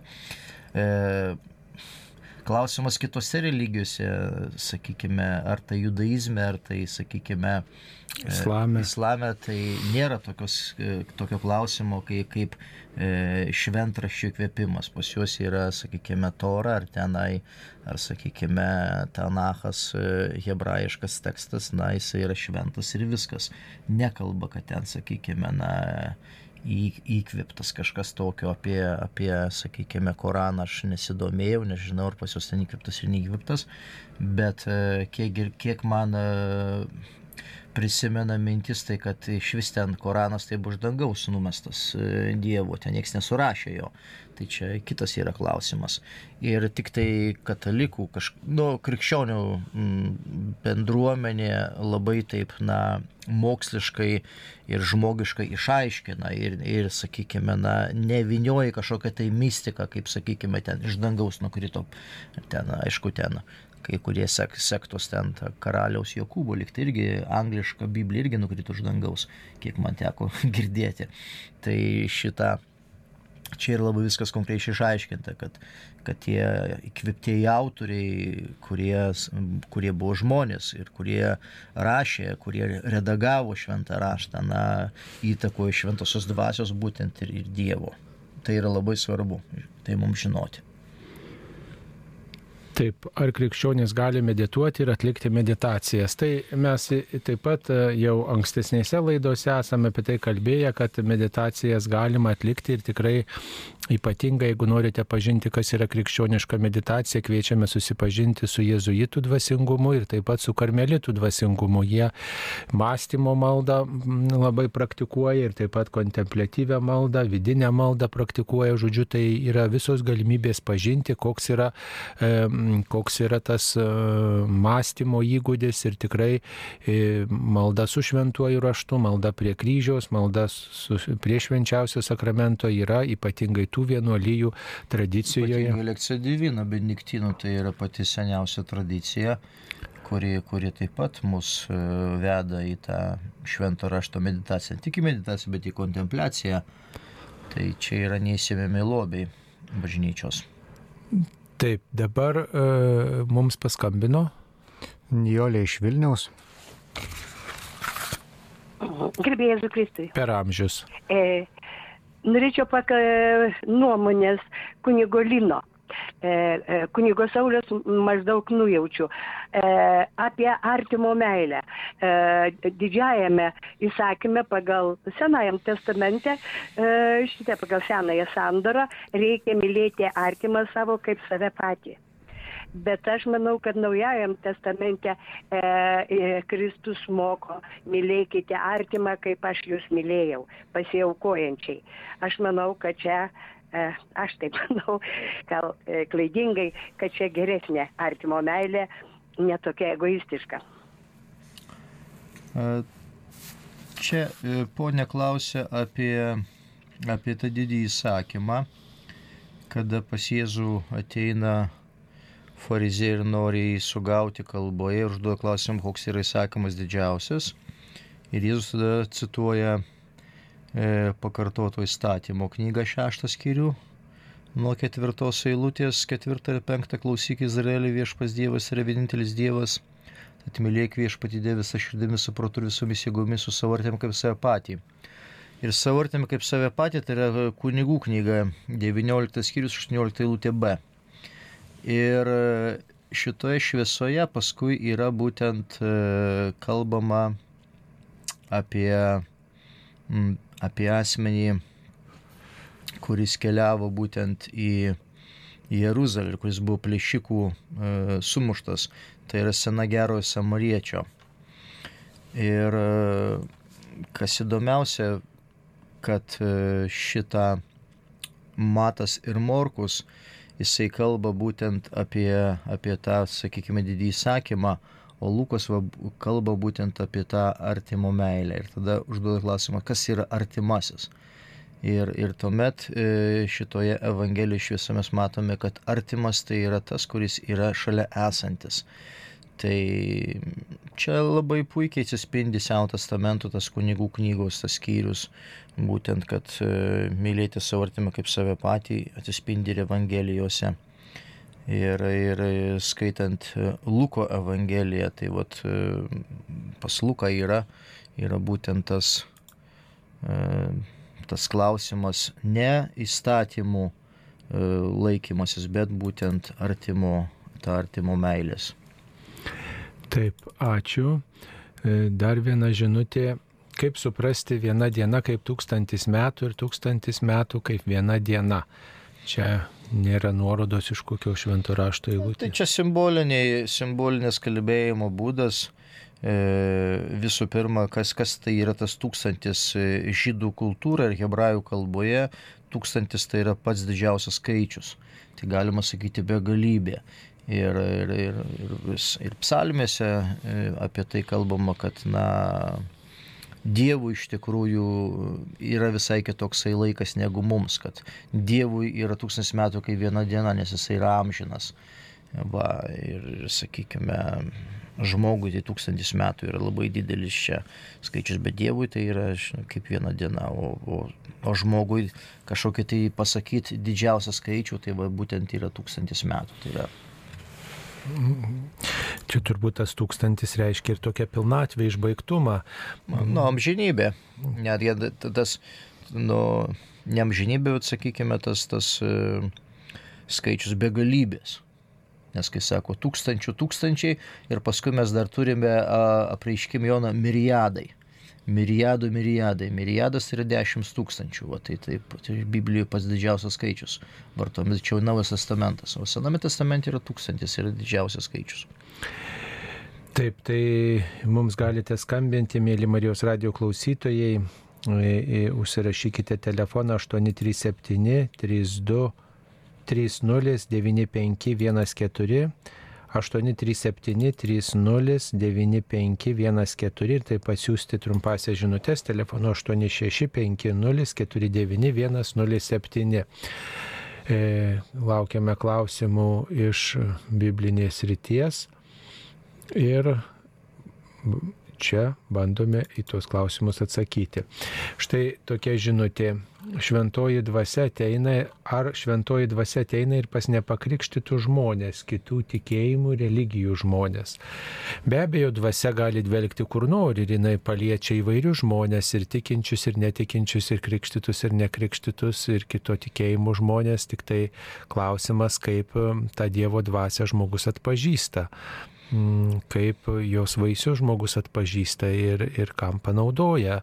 O mes su tikėjimu prašydami tos dvasios ir tuos vaisius atpažindami, savo gyvenime suprantam, kad Dievo dvasia mūsų gyvenimą liečia. Pavyzdžiui, švento rašto e, eilutė tokia labai išraiškinga apie šventąją dvasę. Niekas negali ištarti Jėzus yra viešpats, jei šventoji dvasia jo nepaskatina. Tai jeigu aš noriu melstis, jeigu aš noriu ištarti Jėzus mano Dievas, Jėzau Dieve padėk, tai tikrai esu, galiu būti tikras, kad mane dvasia paskatina maldai, paragina maldai ir vat, su, su meilė tar, tariami lūpai, lūpai lūpose tie žodžiai, jie yra dvasios paskatinti.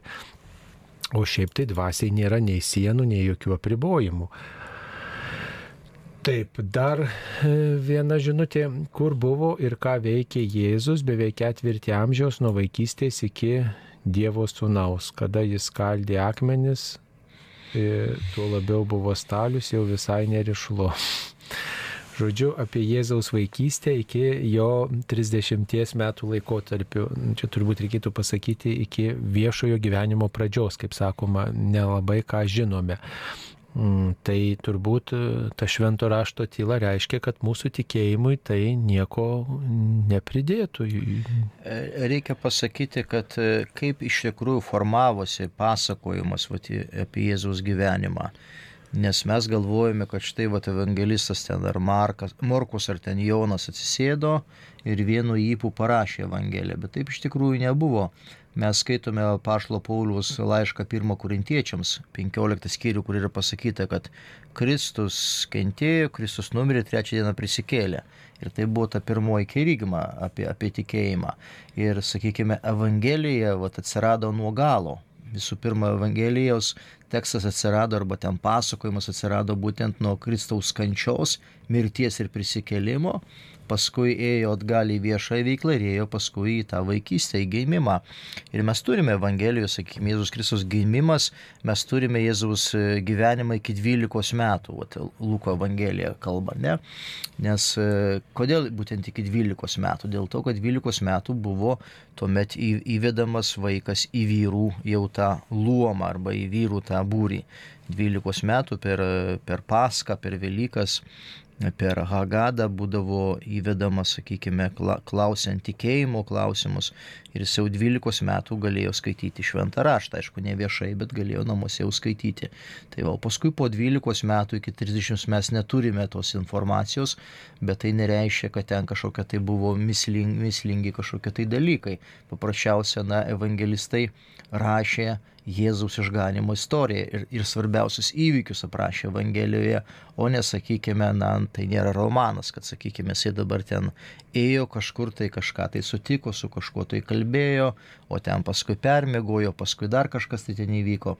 Tai buvo, sakykime, e, kas liečia tikėjimą, kas liečia, sakykime, perdavimą, dar bet reikia pasakyti, kad kiekvieną, kiekvieną sakinį, kiekvieną žodį taupė, nes pergamentai buvo iš tikrųjų brangus reikalas ir dėl to net, pavyzdžiui, pirmieji švento rašto tekstai buvo didžiosioms raidėms ir be tarpų kad išsaugoti kuo daugiau tą, sakykime, pergamento ar papiruso, sakykime, na, vietą. vietą. Na, o paskui netgi būdavo, kad antiek jie brangus, kad, sakykime, na, išskusdavo arba ištrindavo ten tą seną tekstą ir ant to seno teksto rašydavo kitą tekstą, kad, nes, nes e, pasigaminti pergamentą ar papirusą tai nėra taip lengva, kaip dabar nueini parduotuvę ir nusipirki pakuotę turbūt buvo tikslas ne biografiją pasakyti, Jėzaus papasakoti, bet... bet e, Perduoti tikėjimą. Ir tą es, esminį dalyką, ką jis padarė, kad taip. numirė ir prisikėlė, net tie, reiškia, kūdikystės pasakojimai, jie irgi taip. yra tokie simboliai. Ir pabrėžti jų dieviškumą, tai...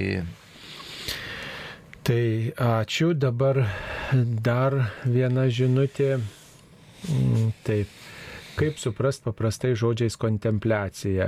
Kontempliacija tai yra įsižiūrėjimas. Žiūrėjimas e, ne tik tai kūno akimis, bet širdies akimis, klausimasis, laukimas, būdėjimas, toksai buvimas ties Dievo žodžiu, pavyzdžiui, ties keliomis eilutėmis. Aš gilinuosi, žiūriu į tas eilutės ne tik kūno akimis, bet širdimis skaitau jas. Tas e, du žodžius, vieną žodį, kaip pavyzdžiui, sėdžiu ir žiūriu prieš švenčiausiai sakramentą. Nieko nieko negalvoju per daug, tiesiog žiūriu, myliu viešpatį, padėkoju, gal prisimenu kokią švento rašto eilutę, tai va būtų kažkas artima kontempliacijai, kažkas maždaug taip taip, taip galim būtų tą apibūdinti. O meditacija, kai čia klausėte, kas yra meditacija, tai yra mąstymo malda, tai yra daugiau proto, proto judesys, proto veikla, kai aš pagarbinu viešpatį, aš stoju jo akivaizdon, prisimenu, kad jis mane myli, prisimenu tikėjimo patirtį, apsisprendžiu už Dievą, paskaitau kelis kartus švento rašto vietą, pabandau pažiūrėti, kuri čia vieta svarbesnė yra, ką man viešpats kalba per tas eilutes ir tada bandau tokią vidinę maldą turėti, reiškia širdies maldą, bet kartu ir proto maldą, kartu klausiu viešpatį, nu, matai, tu čia įėjai su su mokiniais ten vaikščiai prie jūros, Dieve, o, kur tu mane kvietė eiti, pavyzdžiui, e, taip gali klausti, arba aš nenoriu eiti, nu, į tokį dialogą tarsi maldoj leidžiamės. Tai, va, tai yra meditacija. Tai nėra nei išsilaisvinimas, nei atsipalaidavimas toksai, tai kaip tik tai yra toks susitelkimas, e, palenkiant savo protą, savo širdį, savo tikėjimą, būtent Dievo žodžiui, Dievo artumui, tas apsisprendimas būti su Dievu ir ne šiaip savo ten nu, kartoti maldas formulės, bet, bet vat, remiantis Dievo žodžio ištrauką palaikyti santyki su Dievu. Dar pridėčiau, kad, sakykime, žmonės labai dabar pasinešė tas rytų meditacijas. Tai ten to rytų meditacijoje, vat kaip ir Saulis kunigas minėjo, atsisėdi ir apie nieką negalvoji. Ir viskas. O krikščioniškoji meditacija tai yra būtent, kaip, pavyzdžiui, aš medituoju, sakykime, na, į sceną, kada Jėzus, sakykime, plaukia valtimi su mokiniais ir užeina, sakykime, tą vietrą. Ir aš įsivaizduoju, kad aš taip pat ten sėdžiu toje valtyje su mokiniais ir galiu girdėti mokinių balsus, galiu girdėti, sakykime, Jėzaus, Jėzaus kažkokį pasakytą žodį ir yra kur kas daugiau, nei, sakykime, ten sėdėti, žinai, apsikarčius kažkokiais tai ten ritualiniais tenai dalykais ir ten pasileisti kažkokią tai muziką ir supranti ir dar, dar užsikurti smilkalus ir, ir vaidinti kažkokį tai ten, žinai, labai jau išmintingą žmogų. Tai čia kur kas yra didesnė iššūkis. Taip, ačiū, mums paskambino. Mindaugas iš Rokiškio. Taip, Mindaugai, klauskite jūs eteryje. Garbėjas Kristui. Per amžius. Na, kaip Lina Šitavičius, jisai ir istorikas, ir religijai, jo tyrininkas visok. Dabar, pavyzdžiui, buvo tie laikai gan, gan seniai, pavyzdžiui, tamplieriai, tai buvo, tai buvo kaip kokias kelius, sulaikė musulmonų tą ordą, sakykime, Osmanų imperiją. Ir tais laikais buvo laikoma tarp, pavyzdžiui, kokiausios karių visų ir tų laikų laikoma buvo, pavyzdžiui, Mahometas, Velna, Taronas, pavyzdžiui. Nu dabar niekas biški privengiama šitų dalykų šnekėti, bet tais laikais buvo kaip, nu, šetono, Taronas toksai, šetono pasiuntinys, bet tai apie tai niekas nešneka. Tuomet, nu, pavyzdžiui, dang, dangų žemę sukūrė mūsų Dievas tėvas, Kristus. Nu, negali būti kitų dievų. Jie, pavyzdžiui, nu, tai tais laikais buvo skaitama, nu mes dabar neskaitam, nu mes labai tolerantis jūsų, mes negalim taip labai pulti, nu, bet tais laikais ar buvo taip skaitama? Mahometas buvo šetono pasiuntinys kaip, šet, kaip šetonas. Ačiū labai uždėmesi, prašau Linas Šparačius paaiškinti. Taip, jeigu mes skaitysime literatūrą, sakykime, yra apokrifinė literatūra Seno testamento, pavyzdžiui, apokalipsėje Danieliaus. Man teko taip pat šį semestrą universitete pristatinėti. Tai joje taip pat yra įvardinami, sakykime, tai yra aišku, na, konfrontacija buvo ir, sakykime, ir, ir sakykime, na, kova e, krikščionybės su pasauliu ir, sakykime, su Romos imperija, su, su žydais, kurie persekiojo, taip pat paskui va štai ir su musulmonais. Ir, ir tuose raštuose taip, yra, taip pat įvardinti, kad tai yra antikristas. Antikristas yra įvardintas kaip, atsakykime, e, tas visas musulmoniškas pasaulis, taip pat, e, žinai,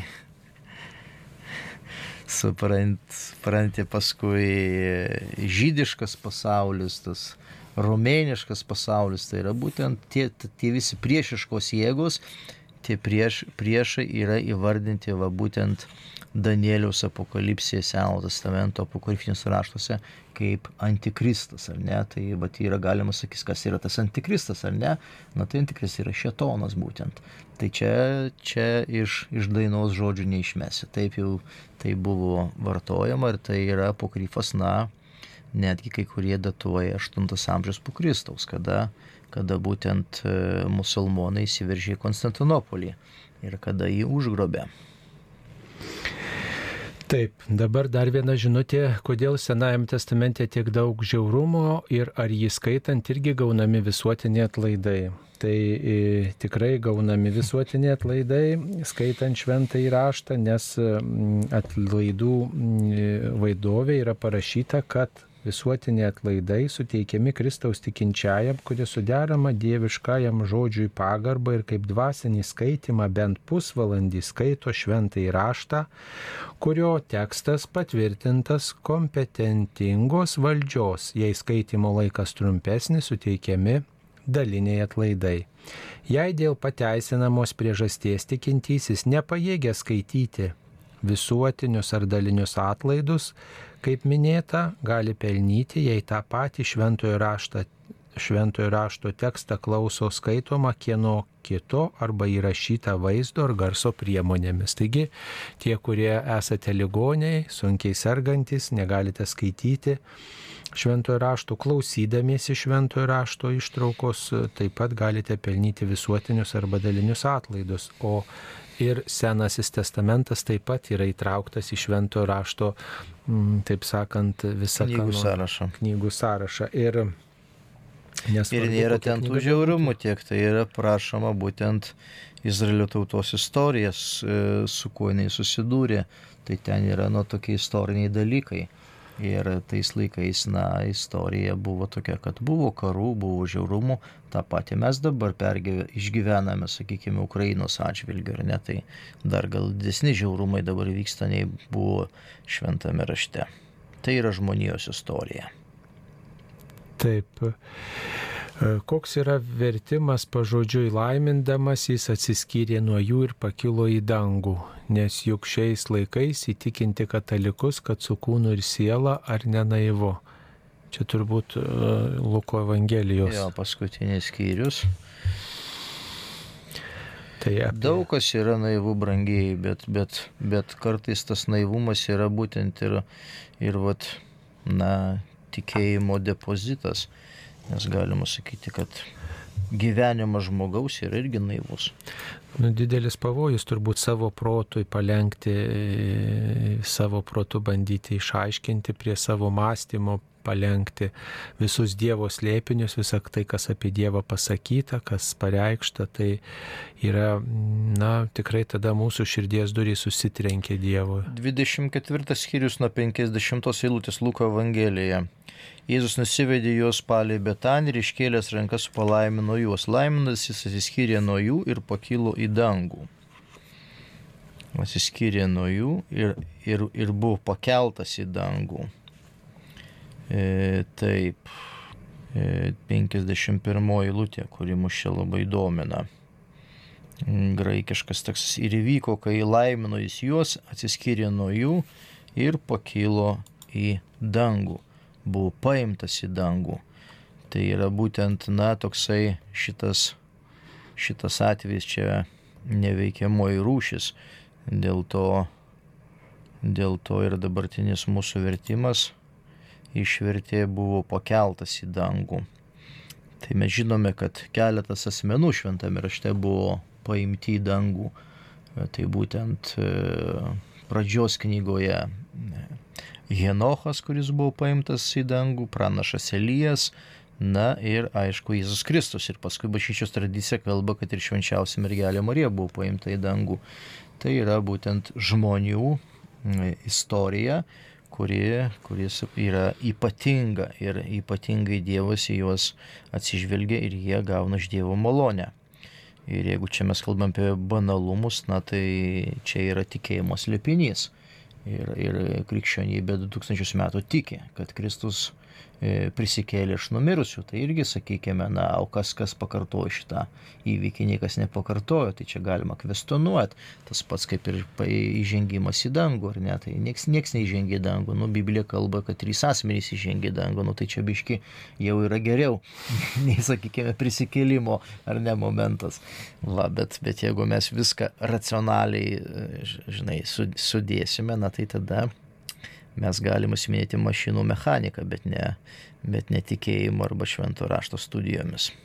Turbūt reikia pasakyti visada tokį dalyką, kad tikėjimas jisai remiasi ne tik tai mūsų proto pažinimu, bet remiasi ir liūdėjimu. Liūdėjimu, kurį perėmėm iš kitų žmonių ir taip pat tuo liūdėjimu, kurį aš pats kažkaip patyriau, išgyvenau ir kitiem galiu perteikti, tuo Dievo artumo patyrimu, kuris virsta tokiu liūdėjimu kitiems ir man pačiam. Nes jeigu žmogus patyrė Dievo artumą, sutiko, patyrė gyvojo Dievo veikimą, tai tuomet visi kiti klausimai atpuola. Galbūt aš nesuprantu, kaip ten jis pakilo, kaip jis prisikėlė, bet jeigu Dievas yra ir aš jį patyriau jo artumą, tai vadinasi visa tai, ką jis apie save sako, yra tiesa. Ir jeigu apie tai sako kiti žmonės, kiti paliūdijo, tai vadinasi tai tikėtina, tai, tai verta, verta mm, pagarbos ir tai yra tiesa. Jeigu to nesuprantu, tai nereiškia, kad vėliau nesuprasiu arba kada nors, kai bus metas tinkamas, kad man viešpats to neatskleis, kaip pasinų keliausiu. Tai, žinot, nebandykit, mėly klausytojai, visko tik tai savo, savo protu išnarpliuoti, nes čia yra beviltiškas kelias. Tikrai reikia ir širdies, reikia ir tokio nuolankumo, ir reikia maldos turbūt, ir nu, reikia drąsos turbūt šokti į tuos tokius šaltus vandenys, eiti į tą tamsą, kur yra gal ir naivumo, ir neiškumo, ir nežinomybės, nes tai ir yra tikėjimas, o ne, o ne kažkoks. Kitas dalykas tai yra parodoma mūsų, žinai, tikėjimo tikėjimo ta kondicija. Jeigu mes tikrai tikėtume, tai gal ir čia dar kažkas tai iš mūsų būtų paimti į dangų su kūnu ir dvasia, bet kadangi neturime tokio tikėjimo ar susikoncentravę į tuos žemiškus dalykus, tai dėl to ir mus palaido į žemę ir laukiame to visuotinio prisikėlimo, ką bažnyčia skelbia. Taip, dabar kunigė kviečiu Jūs atsiversti Izaijo 52 skyrių 12 eilutę. Izaijo 52 skyrius 12 eilutė klausytojas klausia. E, mane išvedė kažkada ši citata, aš ją apmastydavau nuolat, o citata skamba taip, nes viešpats eina jūsų prieš akį, o jūsų užnugaris yra Izraelio dievas. 50. Izaijo 52 skyrius 12 eilutė. Ar galite dar mhm. paaiškinti gilesnę šios eilutės prasme? Eilutė skamba taip, nes viešpats eina jūsų prieš akiją, o jūsų užnugaris yra Izraelio dievas. Taip, mes turime 52 skyrių. 12 eilutė. Tai pavadinimas te džiugauja Sijonas ir mes dabar turime būtent 12 eilutę. Tačiau neskubėkite eidami, neišeikite kaip bėgliai, nes viešpats eina jūsų priešakyje, o jūsų užnagaris Izraelio Dievas. Mm, turėtume dar truputėlį gal paskaityti ir keletą eilučių dar prieš, kad suprastume tą visą kontekstą. Drauge praplyškite džiaugsmo gesme Jeruzalės griuvėsiai, nes viešpats pagodė savo tautą, atpirko Jeruzalę. Viešpats iškėlė savo šventąją ranką visų tautų akise. Visi žemės pakraščiai išvys mūsų Dievo užganimą. Išeikite, išeikite, palikite tą vietą, nelieskite nieko nešvaraus, lauk iš ten. Jūs juk nešate viešpaties rykus išlikite švarus. Na, nuo 40 skyrius iki 55 skyrius e, pranašas Izaijas vadinasi Deutero Izaijas arba antrasis Izaijas, kuris gyveno Babilonijos nelaisvėje. Ir šitas tekstas būtent atsiranda, kuomet Izraelio tauta gyveno Babilonijos nelaisvėje. 50 e, metų nuo 580 iki 530 metų prieš Kristų Ir šitas tekstas mes matome, kad jisai yra pilnas tokio lūkesčio, pilnas troškimo sugrįžti į savo gimtąją šalį, iš, iš, buvo, iš kurios buvo ištrimti. Ir čia kalbama, kad tas vat sugrįžimas su 12 lūtė, tai jisai yra būtent, kad toksai su neskubėjimu. Tačiau neskubėkite eidami, neišeikite kaip bėgliai, nes viešpats eina jūsų prieš akiją o jūsų užnugaris Izraelio Dievas. Tai reiškia, kad jeigu tai bus Dievo valia, tai Dievas išves Izraelio tautą iš Babilonijos nelaisvės ir jie sugrįž į savo žemę, į savo tą teritoriją. Nes su Dievo valia būtent Izraelio tauta buvo išvaryta į nelaisvę ir buvo išvesta, sakykime, iš Izraelio teritorijos ir gyveno būtent Babilonijos šalyje. Jeigu Dievas norės, Dievas būtent ir parves. Ir čia vat ir ta apsauga, sakykime, kad Dievas eina priekyje ir Dievas eina būtent, na ir gale. Na tai čia klausytojas turbūt apmastė, e, pris, prisitaikė ir savo gyvenimui, kad viešpats eina priešais mane ir už manęs ir mane saugo, kaip saugojo Taip. tą tautą, išvedė e, iš tremties, sugražino į žemę, nes jo valia tokia buvo, taip ir mane Dievas gelbės, jeigu jo tokia valia bus. E, taip, kaip sunkiai sergančiam žmogui gerai pasiruošti iškeliavimą, juk tas svarbiausia pelnyti išganimą. Nu tai sunkiai sergančiam žmogui turbūt pirmiausia reikia priimti ligonių sakramentą. E, kunigas suteikia patepimą, ligonių patepimą, išklauso iš pažinties, suteikia šventąją komuniją pasimeldžia drauge, tai tikrai yra pati geriausia priemonė, kurią siūlo bažnyčia. Kitas dalykas tai yra susitaikymas su savaisiais, su artimaisiais, atleidimas kitiems, tas troškimas atleisti, pastanga atleisti, pasakyti geriausius žodžius ar ne artimiesiems, va, dėkoti Dievui už, už gyvenimo dovaną, prisiminti, kas buvo gražiausia, kur Dievą sutikau, patyriau. E, na ir ta tokia malda, kiek žmogus gali turbūt melstis uh, melstis kiek gali, kokios maldos jam priimtinos, melstis kartu su Marijos radija yra pagalba, rožinio malda melstis, įvairiomis kitomis maldomis, kurios priimtinos tam žmogui malda, jinai ramybę teikia, atveria širdį Dievui ir jeigu galimybė yra, kuo dažniau priimti šventą komuniją sunkiai sergančiam žmogui, kiekvieną progą, kaip tik tai, pavyzdžiui, ligoniniai, slaugos namuose, kai tik tai apsilanko ar kunigas, ar komunijos dalintojai, silovados darbuotojai, tai priimti šventąją komuniją. Na, va, tokios būtų pagrindinės turbūt aplinkybės, į kurias reikėtų atkreipti dėmesį. Ir aišku, galbūt e, paskambinti daugeliu žmonių, pa, pa, pakviesti, kad aplankytų ar susitikti su tai žmonėm, kurie svarbus e, buvo gyvenime tokį parodyti ir dėkingumą, ir meilę, ir, ir susitaikymą tokį, nes tai svarbu turbūt stojant viešpaties akivaizdon. Na taip, klausimas apie meilę. Ką reiškia krikščionio meilė savo, kaip suprasti tą meilę? Meilė kaip Dievo vaikui pirmiausiai, kad aš esu sukurtas pagal Dievo paveikslą ir panašumą. Mylėk savo artimą kaip save patį. Tai visų pirma reikia išmokti mylėti save. Ir tada, tada, tada mokėsi mylėti kitą žmogų.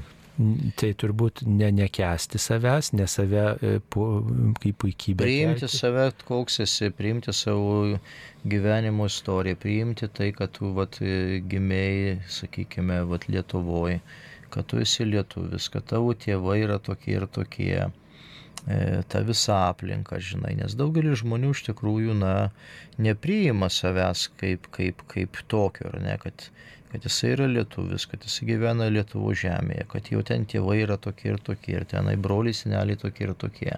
Ir tada dažnai didelė yra frustracija. Tai visų pirma šitas va dalykas, kad žmogus turi priimti savo gyvenimo istoriją, nes Dievas norėjo, kad tu vat, gimtum būtent šitame krašte, šitoje teritorijoje, būtent su, tok, su, su, su tokia kūno konstitucija, su, su, su tokiu lytiškumu ir taip toliau ir taip toliau. Na ir tada, kai šitą mes priimam ir pradedam mylėti, tada mums, mes galim priimti ir kitą žmogų. Ir sakykime, ta, ta, ta, ta meilė tai nebūtinai, kad aš turiu įmylėti, bet aš priimu, jį vertinu, gerbiu. E, visi kiti tie dalykai yra. Taip, žydai šiais metais šves 5783 metus nuo visatos pasaulio Adomo ir Dievo sukūrimo. Kaip tai suprasti? Na, žydiškos toks yra skaičiavimas, kad sakykime, nuo pasaulio sukūrimo tiek yra tiek metų pagal šventą raštą ir jie švenčia. Tačiau mokslininkai yra įrodę, kad pasaulio sukūrimas buvo kur kas senesnis nei 5000 tik tai metų. Čia toks simbolinė data turbūt. Na, galbūt simbolinė, galbūt ir truputėlį tokia sėtina su, su, su tam tikra nors Abraomas, Kildinas, kad jisai gyveno 17 amžiui prieš, prieš Kristų. Tai, tai sakykime, na, 3700 metų, beveik 4000 metų Abraomas gyvena, nu tai dar truputėlį ten paskaičiuota, na ir gaudamas tokį skaičių, bet tai yra simbolinis skaičius, tai nėra, arba sakykime, galima sakyti, religinis skaičius, ar ne, bet jisai, bet kaip mes kalbėjome, neturi tokio mokslinio pagrindo. Taip, jei mes ir dvasinės būtybės, kodėl narkozės metu dinksta sąmonė? Na tai užmiegame. Štai ir dinksta sąmonė, neatsimename, nes mums duoda tam tikrų vaistų, kad mes nejaustume. Nu, kaip, ir, kaip ir Dievas užmygdė Domą, ar ne kaip kūrė Jėvą. Irgi sąmonės Adomas prarado, o paskui kai prabudo žiūri, kad jau... Kad jau be šonkaulio. kad jau be šonkaulio ir, ir stovi dar šalia kitas žmogus. Taip, tai dar viena žinutė apie Marijos radio kaštus, kiek kainuoja mėnesio mokestis Marijos radijui, juk dabar viskas pabrango. Na, dabar bijau tiksliai pasakyti, bet manau, kad apie 70 tūkstančių kažkur kas mėnesį Marijos radijas turi sumokėti įvairiausių mokesčių, kad galėtų sėkmingai gyvuoti. Tikrai ačiū visiems, kurie kurie aukojate, kurie prisidedate, kad Marijos radijas galėtų gyvuoti, kad būtų girdimas ir kurie pastatėte, įrengėte naują Marijos radijo koplyčią bei studijas ir kurios jau dabar pradeda sėkmingai dirbti, iš jų ir kalbame su jumis. Tai mm, ačiū, kad jūs prisidedat ir tikrai turėsit galimybę dar ir per marietoną prisidėti. Birželio 10-12 dienomis bus marietonas dėkingumo šventė, dėkingumo Dievui už Marijos radiją ir taip pat galimybė paremti įvairiais būdais Marijos radijo veiklą. Ačiū visiems, ačiū kunigui Linui Šipavičiui, kuris iš e, Seredžiaus ir Vilkijos parapijų atvyko į naująją Marijos radijos studiją ir pasidalino įžvalgomis ypač apie šventąjį raštą. Taigi linkime studijų gilių švento rašto srity ir linkime, kad apdovanotumėte ir klausytojus įvairiausiomis išvalgomis. Prie mikrofono buvau ir aš kunigas Saulis Bužauskas viešpats te laimina, te saugo ir te globoja. Ačiū, sudė. Sudė visiems.